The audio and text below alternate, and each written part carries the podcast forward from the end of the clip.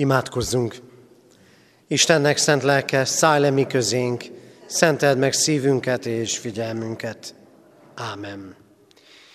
Kegyelem néktek és békesség Istentől, ami atyánktól, és ami megváltó úrunktól, az Úr Jézus Krisztustól. Ámen. Kedves testvérek, Isten tiszteletünk kezdetén énekeljük a 34. Zsoltár első versét. 34. Zsoltárunk első verse így kezdődik. Minden koron áldom az Urat, míg engem éltet.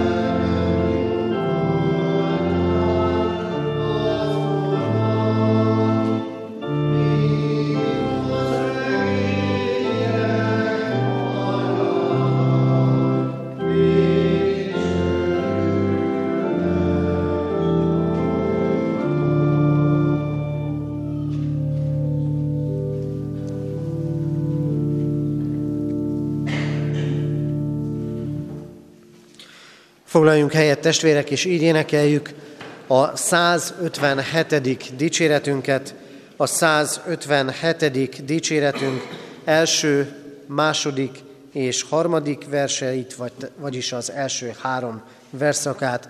A 157. dicséretünk így kezdődik. Mindenkoron áldom az én uramat, aki régi énekeskönyvet használ, a 254-es számú éneket keresse ki.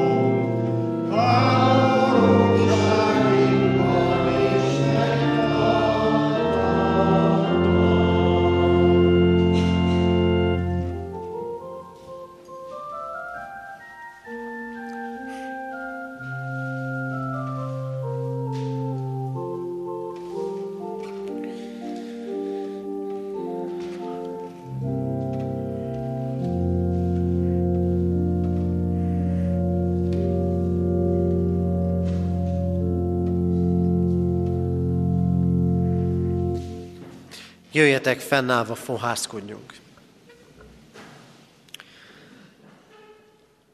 A mi segítségünk, Isten tiszteletünk megáldása és megszentelése az Úr nevében van, aki úgy szerette a világot, hogy egyszülött fiát adta, hogy aki hisz benne, el ne vesszen, hanem örök élete legyen. Ámen. Kedves testvérek, hallgassuk meg most Isten igét, ahogy szól hozzánk ezen a vasárnapon, a jelenések könyve harmadik fejezetéből, a harmadik fejezet első hat verséből a következőképpen. A szárdiszi gyülekezet angyalának írd meg. Ezt mondja az, akinél az Isten hét lelke és a hét csillag van, tudok cselekedeteidről, hogy az a nevet, hogy élsz, pedig halott vagy. Ébredj fel és erősítsd meg a többieket, akik halófélben vannak, mert nem találtam cselekedeteidet teljesnek az én Istenem előtt. Emlékezzél tehát vissza, hogyan kaptad és hallottad. Tartsd meg azt és térj meg. Ha tehát nem ébredsz fel, eljövök, mint a tolvaj, és nem tudod, melyik órában jövök majd el hozzád. De vannak nálad néhányan szárdíszban, akik nem szennyezték be a ruhájukat, és fehér ruhában fognak járni velem együtt, mert méltók rá.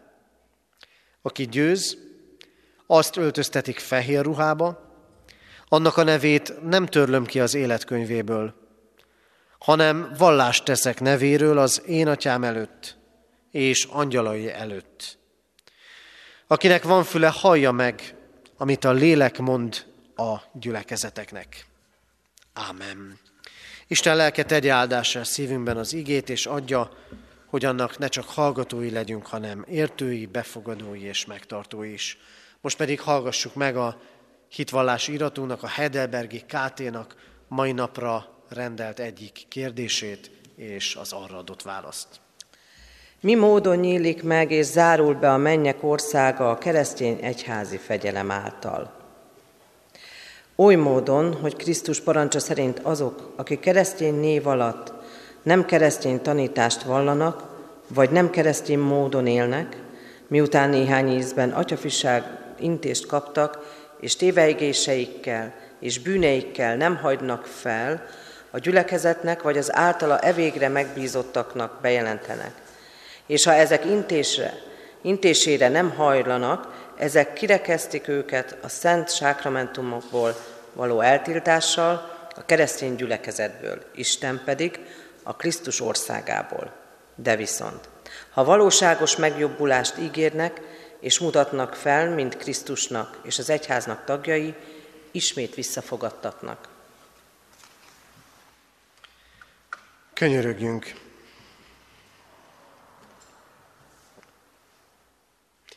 Urunk Istenünk, mind a felolvasott ige, mind a Hedelbergi KT tanítása megállít bennünket és önvizsgálatra késztet. Vajon mennyire járunk a Te utadon? Vajon mennyire teljesek a mi cselekedeteink előtted? Vajon a hitünk csak elméleti tanítás, vagy szívbeli bizalom és neked való engedelmesség? Ezért, Urunk, a Te igéd, amikor szólít bennünket, így most is, megállít, megtérésre hív. Köszönjük hívó szavadat, és köszönjük azt a gondviselő szeretetet, amivel hordoztál és megtartottál bennünket. Köszönjük azokat az áldásokat, amikben az elmúlt időszakban is, az elmúlt héten is kegyelmedből részünk lehetett. Légy áldott, Urunk, hogyha találkoztunk veled, ha imáink meghallgatást nyertek. Köszönjük, Urunk, hogyha megtörtént velünk az is, hogy a minket érő rosszból tanulhattunk, hozzátérhettünk. Megvalljuk előtted, Urunk, ugyanakkor, hogy valóban mi vagyunk, akik engedetlenek vagyunk, mi vagyunk, akik hitünket elhagyva halófélben vagyunk. Ezért bocsánatodért is könyörgünk, és azért, Krisztusban a lélek által szűj újjá bennünket. És kérünk, hogy ezen az Isten tiszteleten, amikor dicsőítünk és magasztalunk téged, amikor rólad és neked énekelünk, amikor hozzád imádkozunk, érkezzen meg hozzánk a te szavad, a te üzeneted, és ébresszen bennünket. Kérünk, Urunk, szólj hozzánk. Ámen. Isten igének hallgatására készülve a 204. dicséretünknek a második verszakát énekeljük el. 204. dicséretünk második versét énekeljük. Ez az énekünk így kezdődik, ez az énekvers így kezdődik. Gyújtsd meg szövét nekét, áldott szent igének. thank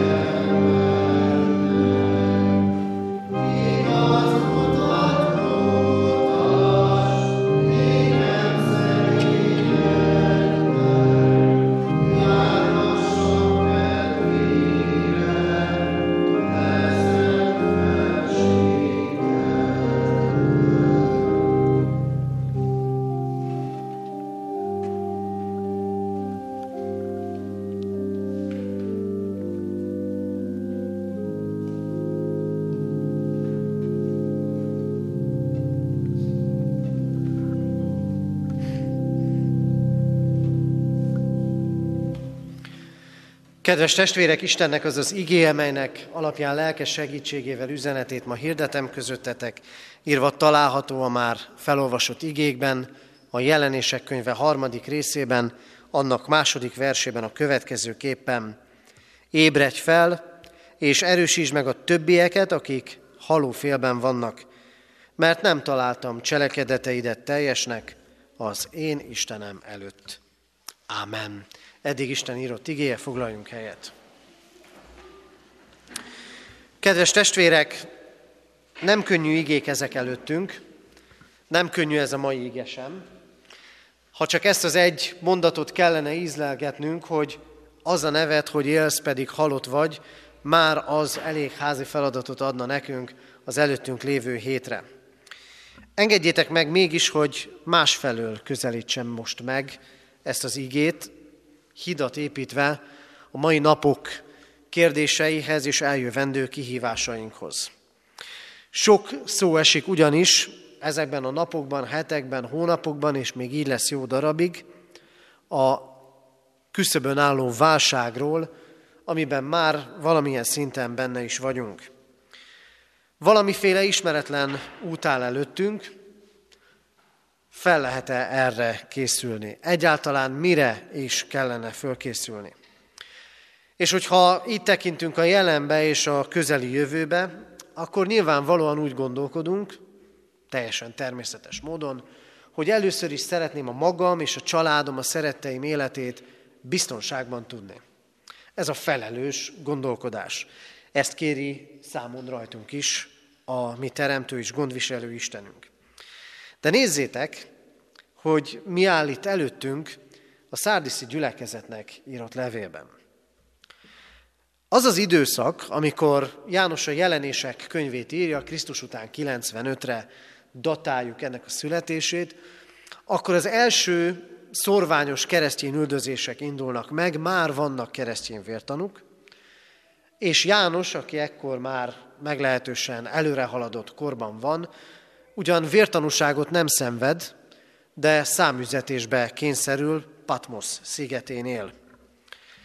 És ebben a válságos időkben, amikor egyébként tudjuk, hogy a római birodalom már évtizedek óta válságban van, ő a gyülekezethez szól, pontosabban az Isten a gyülekezethez, a közösséghez szól, az együttes felelősséget húzza alá, azt tartja fontosnak és hangsúlyozza mindenki számára, hogy felelős vagy a hitedért, mindenek előtt a hitedért, mindenek előtt az Istennel való kapcsolatodért, és felelős vagy a másik emberért. Ébredj föl, és ébresz, és erősíts másokat.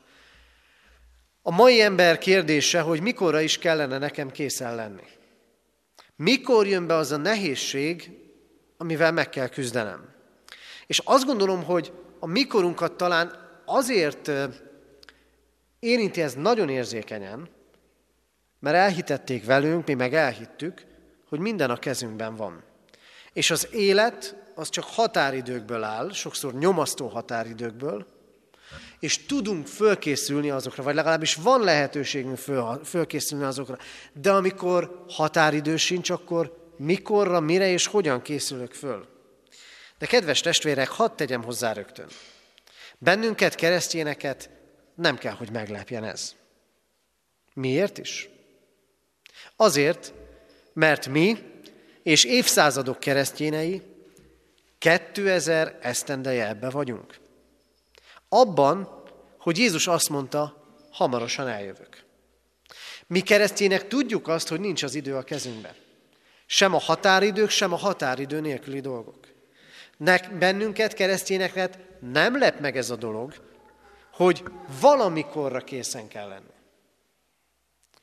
Ezért hadd mondjam ezt, még ebben a nehéz válsághelyzetben is előnyel indulunk. Mert mi Krisztust várjuk. Mert nekünk van reménységünk. De éppen ezért készen kell lenni. És itt jön a következő nehézség. A szárdiszi gyülekezetnek azt mondja az Isten, ti nem álltok jól ebben a helyzetben.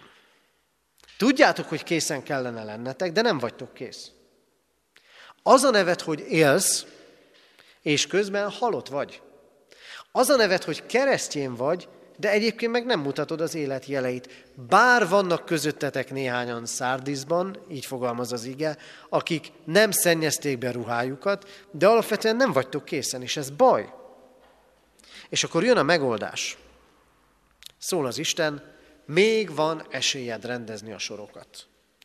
És ez pedig nem megy máshogy, mint hogy föl kell ébredni, és meg kell térni. És hadd mondjam azt, ma sincs más. A keresztjének üzenete, a mi üzenetünk, az egyház üzenete ebben a válsággal terhelt és teljes időszakban ez meg kell térni. Nem kevesebb. De itt kell elkezdődnie mindennek. Ébredj fel. Ébresztő. És ez nem ilyen összeesküvés elmélet, amiből minden héten legalább kettőt-hármat lehet olvasni, ami mind, ugyancsak azt mondja, hogy ébredj föl. Ez nem. Ez a Krisztus szava. Ébresztő. Az Isten szól. Mit várunk az Istentől, amikor szól? Várunk választ. Talán úgy jutunk be most is az Isten tiszteletre, választ várunk ebben a helyzetben. Én is így hallgatok igéd, várom az Isten válaszait. A megoldás, és sokszor készen kapott megoldásokat várunk. Ne kelljen gondolkodnunk, mert az a mi felelősségünk. Várunk vigaszt, várunk erőt, várunk észhez és lélekhez szóló igét, de az Isten nem ezt mondta a szárdisziaknak. És nem ezt mondja ma nekünk, hanem azt mondja, hogy ébresztő. Ébredj föl.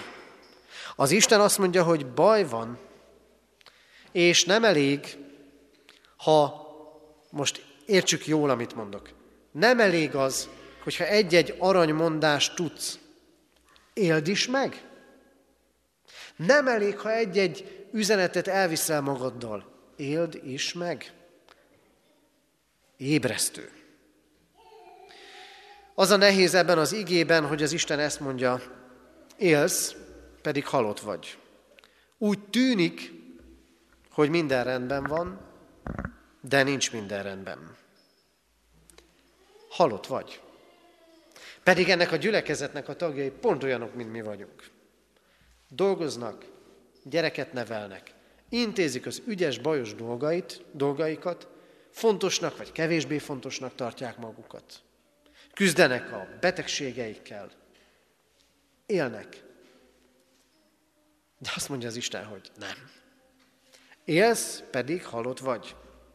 És hadd mondjam azt, magunkra vonatkoztatva ezt, lehet, hogy úgy érzed, nincs minden rendben. Lehet, hogy úgy érzed, valami nem teljes.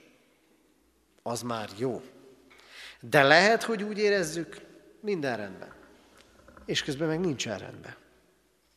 Az a nevet, hogy élsz, pedig halott vagy. Azért nehéz ez az ige, mert ki kell mozdulnunk az önmagunkról alkotott pozitív képből, hogy mi jó hívőnek tartjuk magunkat. És fel kell tenni a kérdést. Lehet, hogy halott vagyok. Hogy az életem működése közepette, lehet, hogy halott vagyok. Lehet, hogy nem él a hitem, hogy vannak dolgok, amikhez ragaszkodok, amiket, amiket teszek, amik vallásos dolgok, de egyébként nincs ott benne az élet. Mi van, ha az Istennek rám vonatkozóan is ugyanez a szava? De az Isten szól. És lehet felébredni. Nem tudom, testvérek, ki az, aki közületek volt már haldoklónál? Vagy olyan embernél, aki, aki ott álltunk az ágya mellett, és nem tudtuk, hogy mennyi van hátra. És akkor már tudjuk nagyon jól, hogy ez megváltoztathatatlan. És akkor itt van a haldokló gyülekezet, a haldokló hívő, és még az Isten ébreszti. Itt van ez a haldokló világ, és az Isten elkezdi ébreszteni. Kedves testvérek, sokat gondolkodtam az elmúlt időszakban, szerintem nem vagyok ezzel egyedül, háborúról és asszályról. És most az asszályhoz hadd mondjak egy gondolatot. Az Ószövetség profétái voltak elég bátrak, hogy azt mondják, figyeljetek ide. Azok a természeti csapások, amik benneteket sújtanak, azok azért is vannak, mert engedetlenek vagytok az Isten felé. Engedetlenek vagytok. Nem veszitek komolyan az Isten szavát. És kinevették a profétákat. De testvérek, nem kellene nekünk, magunknak, keresztjéneknek ezt a profétai hangot elővenni és elmondani, testvérek, azért van baj, azért van a száj, mert engedetlenek vagyunk. Mert nem vesszük komolyan az Isten szavát. Mert a társadalmunk is elkezd, ki tudja mióta már, eltérni az Isten rendjétől. Talán ki kellene mondani. Talán azt kellene mondani magunknak is, meg úgy általában ébresztő. Ami van, az nem véletlen, és lehet az Isten büntetése. És persze, hogy a profétákat kinevették, ki fognak bennünket is nevetni. Attól még ez igaz. Valószínűleg Noét is kinevették, hogy miért épít bárkát. És mégis ő és a családja menekült meg csak. Ezért fel kell ébredni. A között, körülöttünk zajló események mind-mind erre hívnak bennünket, de leginkább az Isten szava hív erre. Ez a felébresztés, az ébredés pedig egy visszatérést jelent az Isten üzenetéhez. Persze föltetjük a kérdést, hogy mit ér a szó. Vagyunk itt szülők, nagyszülők, azért azt nagyon jól tudjuk, hogy a szó az sokszor nem ér semmit. Hogy a szavaink azok hatástalanok maradnak. Látszólag alig érünk el valamit a szavainkkal. És akkor jön az Isten, és azt mondja, hogy ébredjetek fel. Más ez. Arra kérlek benneteket, hogy amikor most azt mondja ezekben az igékben az Isten, hogy ébredj fel, akkor ne úgy gondoljatok erre az isteni szóra, mint a hatástalan emberi szavakra, hanem úgy gondoljatok erre, mint arra a szóra, ami világot teremtett. Mert amikor az Isten szólt, akkor lett. Arra gondoljatok, amikor Krisztus szólt. Amikor oda ment a bénához, és azt mondta, fogd az ágyadat, vedd fel és járj.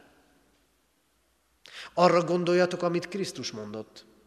Amikor oda ment a zsinagógai előjáró beteg majd meghalt kislányához, és azt mondta neki, lányka, kelj fel, és felkelt.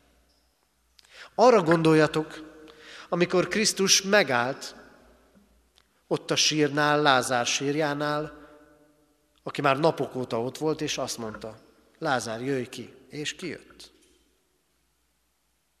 Az Isten szava nem hatástalan. Az Isten szava ma is élő. Ma is parancsol, és nézzétek, mi történt? A bénának azt mondta, kelj fel, vedd az ágyad. Fölkelt és vette az ágyát. Engedelmeskedett. A lány felült. Engedelmeskedett. Lázár kijött. Engedelmeskedett. Hogy történik a felébredés? Hogy fogjuk megtapasztalni az Isten erejét? Ha elkezdünk engedelmeskedni neki. Ha nem kezdünk el azon gondolkodni, hogy miért nem, meg hogy, meg mi, nem ez a dolgunk, hanem az engedelmesség. Bocsánat, hogy ilyen példát mondok. A fronton lévő katona feladata az, hogy betartsa a felsőbb utasításokat. Valószínűleg nem kezd gondolkodni. Nyilván nem jó, hogy így van, de mi meg Krisztus katonái vagyunk, és a mi parancsolunk, ami megváltunk. Aki életet ad, aki ébreszt, aki azt mondja, hogy az a neved, hogy élsz, de halott vagy, de én azt szeretném, hogyha végre élnél. Mert minden parancsa, minden ébresztő szava az életet szolgálja. És megáldja azt, aki elkezd engedelmeskedni neki. Ébredni úgy lehet, hogy elkezdünk emlékezni amit arra, amit kaptunk az Istentől.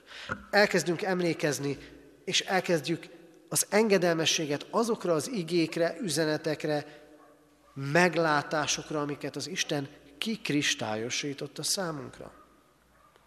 Tarts meg, és ne csak elmélet legyen, hanem cselekedet is. És végezetül ébresz másokat. Erősítsd a többieket, akik halófélben vannak. Nem elég, ha azt mondom, nekem már rendben van. Én már fölébredtem. Menj és ébrezd a többieket. Ébresz és erősíts másokat. Mert a keresztény hit az nem ön célú dolog, hanem a keresztény ember másokért felelősséget vállaló ember. Erősítsd a többieket, akik halófélben vannak. Testvérek, nagyon sokan vannak halófélben. Remény nélkül, vigasz nélkül, erő nélkül, látás, vezetés nélkül. A kapcsolataink nagyjából kétfélék lehetnek. Vagy gyengítjük egymást, vagy erősítjük egymást. Gyengítjük egymást. Gyengítjük egymást a rágalmainkkal, a végnélküli kritikánkkal, a szeretetlenségünkkel, a háta mögött való kibeszéléssel, vagy erősítjük egymást. Végasztalunk, odafordulunk, meghallgatunk, szeretünk. Krisztus azt mondja, erősítsd a többieket. Nem az a dolgod, hogy gyengítsd. És nem az a dolgod, hogy ha neked már jó, akkor megelégedj. Mert így nem teljesek a cselekedeteid az Isten előtt, hanem menj oda és erősítsd a másikat. Erősítsd a hitben a másikat. Az ébredés ezt a felelősséget bízza ránk. Erősítsd a másikat szóval és tettel, biztatással, szeretettel és odafordulással. Kedves testvérek, válságos időket élünk, nem tudjuk, hogy mire és hogyan kell készülnünk. De nekünk Krisztus visszajövetelére kell készülnünk. A szárdiszi gyülekezet nem volt eléggé kész, úgy összességében, de voltak olyanok, akik készen álltak. Vizsgáljuk hát meg önmagunkat, és vezessen ebben bennünket az Isten lelke. Vajon ránk is igaz, hogy az a nevünk, hogy élünk és közben halottak vagyunk? Ébredjünk fel, az Isten szól, hogy ébredjünk. Térjünk vissza ő hozzá, engedelmeskedjünk neki, és ébresszünk, erősítsünk másokat, hogy teljesnek találja cselekedeteinket, ami megváltó Istenünk. Amen. Kedves testvérek, Isten üzenetére válaszul a 617. dicséretünk első versét énekeljük el. A 617. dicséretünk első versét énekeljük. Ez a régi énekeskönyvünkben a 227-es számú ének. Így kezdődik, ami szívünk csak te hozzád, Jézus, Isten báránya, óhajtozik, híveidnek drága édes aranya, drága fényes aranya.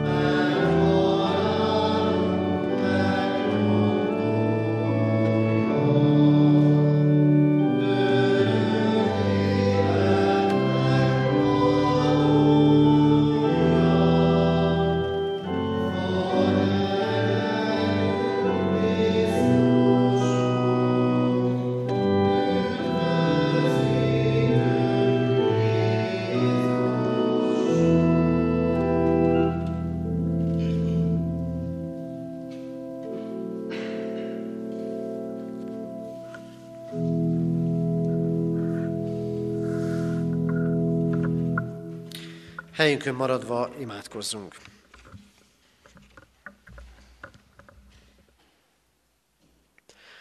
Urunk Istenünk, rengeteg baj és kihívás vesz körül bennünket, amiben meg kellene találni a helyünket, önmagunkat, reménységünket, támaszunkat, bizonyosságunkat.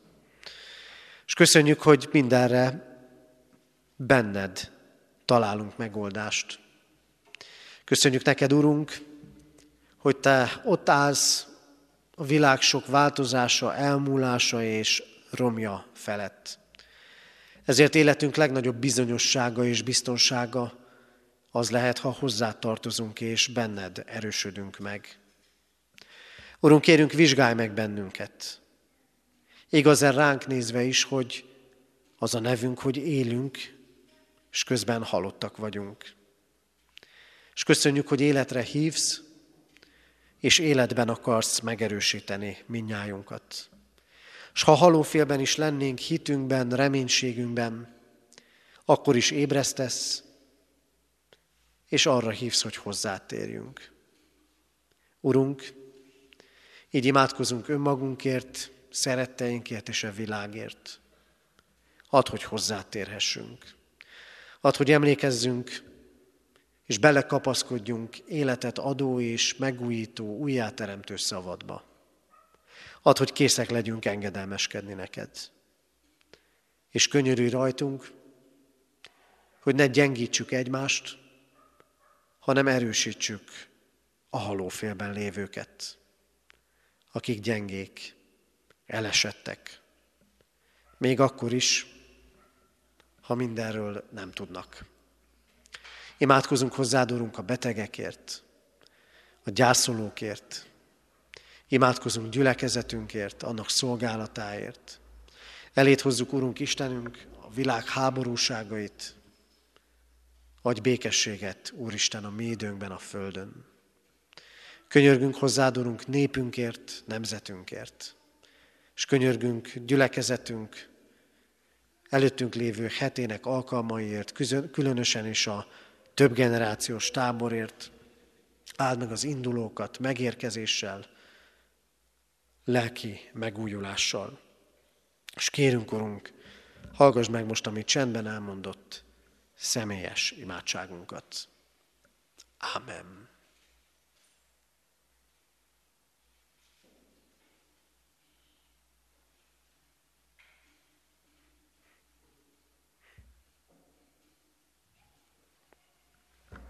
Köszönjük, Urunk, hogy meghallgatod a mi könyörgéseinket. Ámen. Fennállva imádkozzunk, ahogy a mi Úrunk Jézus Krisztus tanított bennünket.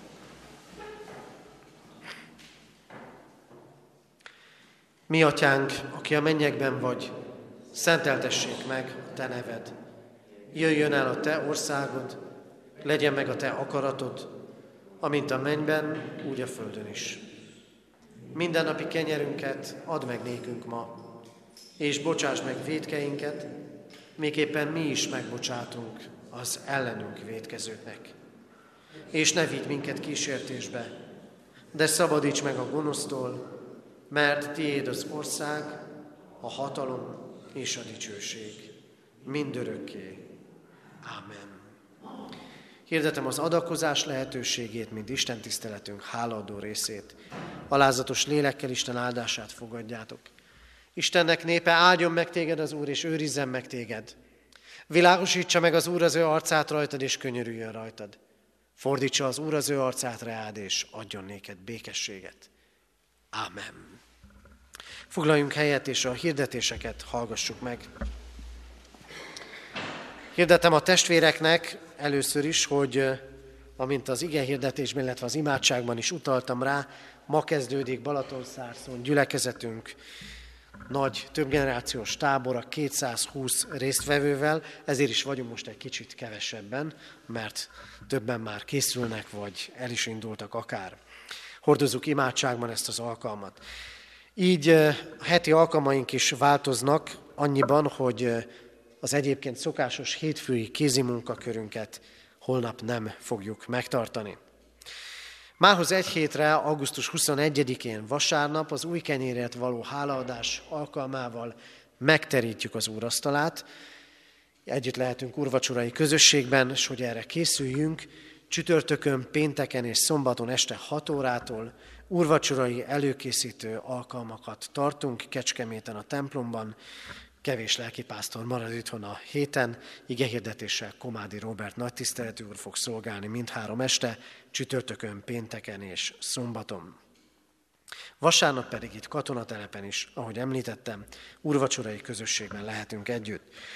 Szombaton, augusztus 20-án nemzeti ünnepünkön 9 órakor lesz istentisztelet Kecskeméten a templomban, délután 4 órakor pedig ünnepi megemlékezés és ökumenikus kenyeráldás városunk főterén. Az elmúlt héten búcsúztunk Sípos Sándor József 77 éves és dr. Tóth Ákos György 86 éves korában elhunyt testvéreinktől, és imádkozunk, imádkoztunk a gyászoló hozzátartozókért. Halottunk van. Dr. Nagy Tibor, nyugalmazott Donamelléki egyházkerületi főjegyző, a Bácskiskunsági Egyházmegye korábbi esperese, Budapest, Budahegyvidék, Kecskemét, Veszprém és Nagydobos egyházközségek korábbi lelkipásztora 93 esztendős korában elhunyt. Temetése augusztus 25-én, csütörtökön, délután 2 órakor lesz a Budapest Fasori Református templomban. Isten vigasztalását kérjük gyászoló hozzátartozókra. Adományok érkeztek az elmúlt héten, egyházfenntartói járulékként 171 ezer forint, Isten dicsőségére 59 ezer, urvacsorai kelyhekre 19 ezer, gyülekezeti újságra 6 ezer, az Emmaus ház javára 77 ezer, a gazdasági hivatal javára 1000, és a Széchenyi Városi Misszióra 58.300 forint. Isten áldása legyen az adományokon és az adományt adókon. Hordozzuk imádságban a következő héten nemzetünket, népünket és a keresztjén missziót. Hirdetjük a testvéreknek, hogy családpásztorációs szolgálatunk szeretettel hívja azokat a házaspárokat, akik szeretnék házasságukat megerősíteni és szövetségükben megújulni egy 7 hetes sorozatra. Ez ennek most ebben a az őszi időszakban a mi katonatelepi templomunk és gyülekezeti termünk ad otthont. Szeptember 9-én pénteken lesz az első alkalom, és október 20-án lesz az utolsó. További információk Fodorné dr. Ablonci Margit lelkipásztor testvéremnél eh, kaphatók. Éljünk ezzel a lehetőséggel a közeli jövőben. Hirdetem még diakoniai szolgálatunkat, a tartós élelmiszergyűjtést, lekvár és befőtt adományokat várunk a testvérektől. Az Úr legyen a mi gyülekezetünk őriző pásztora. Záróénekünket énekeljük, a 617. dicséretünk harmadik és negyedik verseit. 617. dicséretünk harmadik és negyedik verseit énekeljük. A harmadik vers így kezdődik. Szegény, bűnös embereknek üdvösséges reménye.